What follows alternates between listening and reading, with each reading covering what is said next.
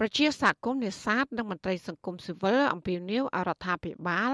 កំណែតម្រង់ករណីកិច្ចរបស់ក្រសួងកសិកម្មដែលជាស្ថាប័នស្នូលឡើងវិញ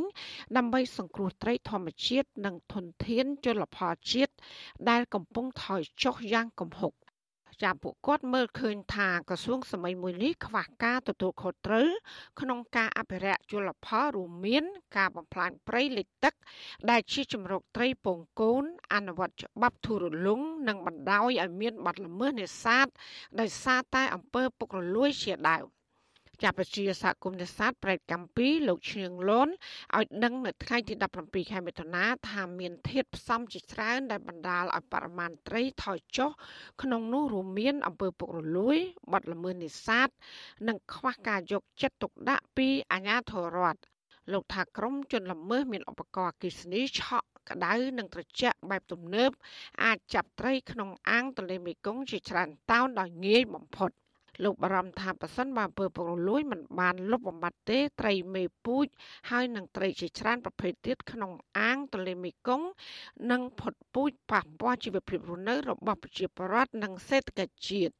ថ្ងៃទៀតឥឡូវហ្នឹងវាថ្ងៃអារជាហ្នឹងលេខក្តៅជាមួយគ្នាបណ្ដោយបាទតែហ្នឹងគេគេថា40ម៉ែត្រ4ជ្រៅហ្នឹងជំរឿចុះក្រោមហ្នឹងវា4 10ម៉ែត្រជាងហ្នឹងវាល្មមមកវាពេញមកបានវាបាទវាកាន់វាដាក់អាលេងកថងវាផាច់ ទៅទុះមកបណ្ដោយហក់មកហក់មកក៏តងទៅបណ្ដោយអត់ទុកចិត្តមកវាក៏គេការពារបើ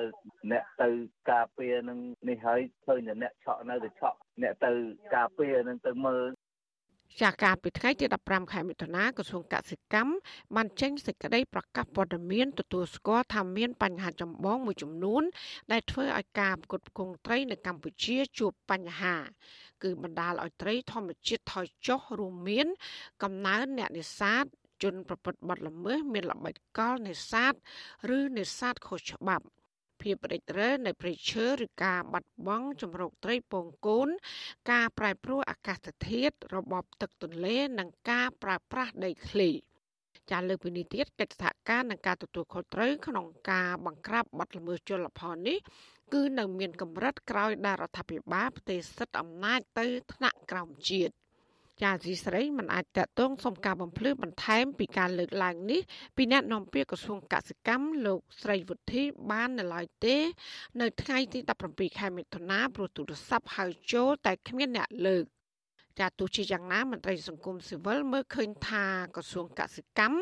នៅមិនទាន់បំពេញករណីកិច្ចគាំពៀត្រីធម្មជាតិនិងអភិរក្សជីវៈចម្រុះឲ្យបានត្រឹមត្រូវស្របតាមច្បាប់នៅឡើយហើយដែលនេះជាបញ្ហាធ្វើឲ្យទិន្នផលត្រីថយចុះចាជាពិសេសគឺការបំផ្លាញចម្រុកត្រីពងនិងការនេសាទនៅតំបន់ហាមឃាត់ នាយកប្រតិបត្តិនៃអង្គការបណ្ដាញការពារទន្លេ3លោកលៀងប៊ុនលៀបសង្កេតឃើញថាការគ្រប់គ្រងត្រី ធម្មជាតិខ្វះតម្លាភាពដោយសារតែជនល្មើសនៅតែមានឱកាសប្រើឧបករណ៍នេសាទខុសច្បាប់ចាប់ត្រីអំពើពុករលួយ ហើយនឹងការអនុវត្តច្បាប់ធូររលុងជាដើម លោកថាក្រសួងគួរតែកំណត់ទឹកទីតាំងអភិរក្សឲ្យបានច្បាស់លាស់អនុវត្តច្បាប់ម៉ឺងម៉ាត់និងថែទាំព្រៃលិចទឹកឲ្យបានល្អដើម្បីអនុញ្ញាតឲ្យត្រីបង្កកំណើតបាន អាការចាប់ត្រីដោយប្រើឧបករណ៍ល្មើសខុសច្បាប់ខុសពីស្ដីច្បាប់ជលផលនឹងឯងនេះឯងធ្វើវាអន្តរាយហើយជនប្រភេទហ្នឹងយើងត្រូវតែខំប្រឹងចាប់ទប់ស្កាត់ទប់ទល់ឲ្យបានជាកំហិតបើធ្វើរឿងនឹងអត់បានទេអនាគតទៅគឺផលត្រីត្រូវតែថយចុះត្រូវតែតែពិបាកដល់ដល់ដល់ដល់កសិករយើងដែលគាត់អាស្រ័យដល់មនុស្សរាប់លាននាក់ដែលអាស្រ័យលើផលត្រីហ្នឹងណា ចាំមន្ត្រីសង្គមសេវារូបនេះបន្ថែមទៀតថាប្រៃលិចទឹកនៅតំបន់បឹងទន្លេសាប និងតំបន់ផ្សេងផ្សេងទៀតក្រសួងកសិកម្មមិនគួរបណ្ដោយឲ្យមានការបំផ្លិចបំផ្លាញទេព្រោះនៅទីនោះ គឺជាកន្លែងត្រីចិញ្ចឹមជីវិត និងពងកូនហើយប៉ះសិនបបាត់បង់គឺនឹងធ្វើឲ្យបរិមាណត្រីថយចុះជាខ្លាំង។ ដែលជះឥទ្ធិពលមិនល្អដល់ការអនុវត្តគោលនយោបាយអភិរក្សធនធានជលផល របស់រដ្ឋាភិបាលនិងសេដ្ឋកិច្ចជាតិចាលោកក៏បារម្ភទៀតថាការសាងសង់ទំនប់វារីអគ្គិសនីតាមដងទន្លេមេគង្គគឺធ្វើឲ្យរបបទឹកប្រែប្រួលប៉ះពាល់ដល់ការបំលាស់ទី ហើយនឹងការចិញ្ចឹមជីវិតរបស់ត្រី និងជីវៈចម្រុះផងដែរ របាយការណ៍របស់ក្រសួងកសិកម្មបង្ហាញថាការនេសាទទឹកសាប គឺទទួលបានទិន្នផលជាង1300តោននៅក្នុងត្រីមាសទី1ដើមឆ្នាំ2021នេះបើធៀបនឹងរយៈពេលដូចគ្នា កាលពីឆ្នាំមុននោះគឺថយចុះជិត200តោនចាចំណែកការនេសាទបែបគ្រួសារវិញទទួលបានទិន្នផល ជាង96000តោនបើធៀបឆ្នាំមុននោះគឺបានថយចុះជាង16000តោន រីឯការនេសាទលក្ខណៈគ្រួសារតាមវាលស្រែទទួលបានទិន្នផលជាង12000តោន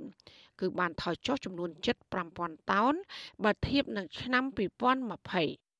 ចាលើពីនេះកំណើនប្រជាជននាំឲ្យការទទួលទានត្រីកើនឡើងច្រើន ក្នុងនោះប្រជាជនម្នាក់បរិភោគត្រីប្រមាណជាង50គីឡូក្រាម ក្នុងមួយឆ្នាំប៉ុន្តែប្រជាជនដែលរស់នៅតំបន់ទំនាបលិចទឹកវិញ គឺបរិភោគត្រីជាង75គីឡូក្រាម ក្នុងមួយឆ្នាំចាននាងខ្ញុំហៃសុធានីវិទ្យុអាស៊ីសេរី ពីរដ្ឋធានី Washington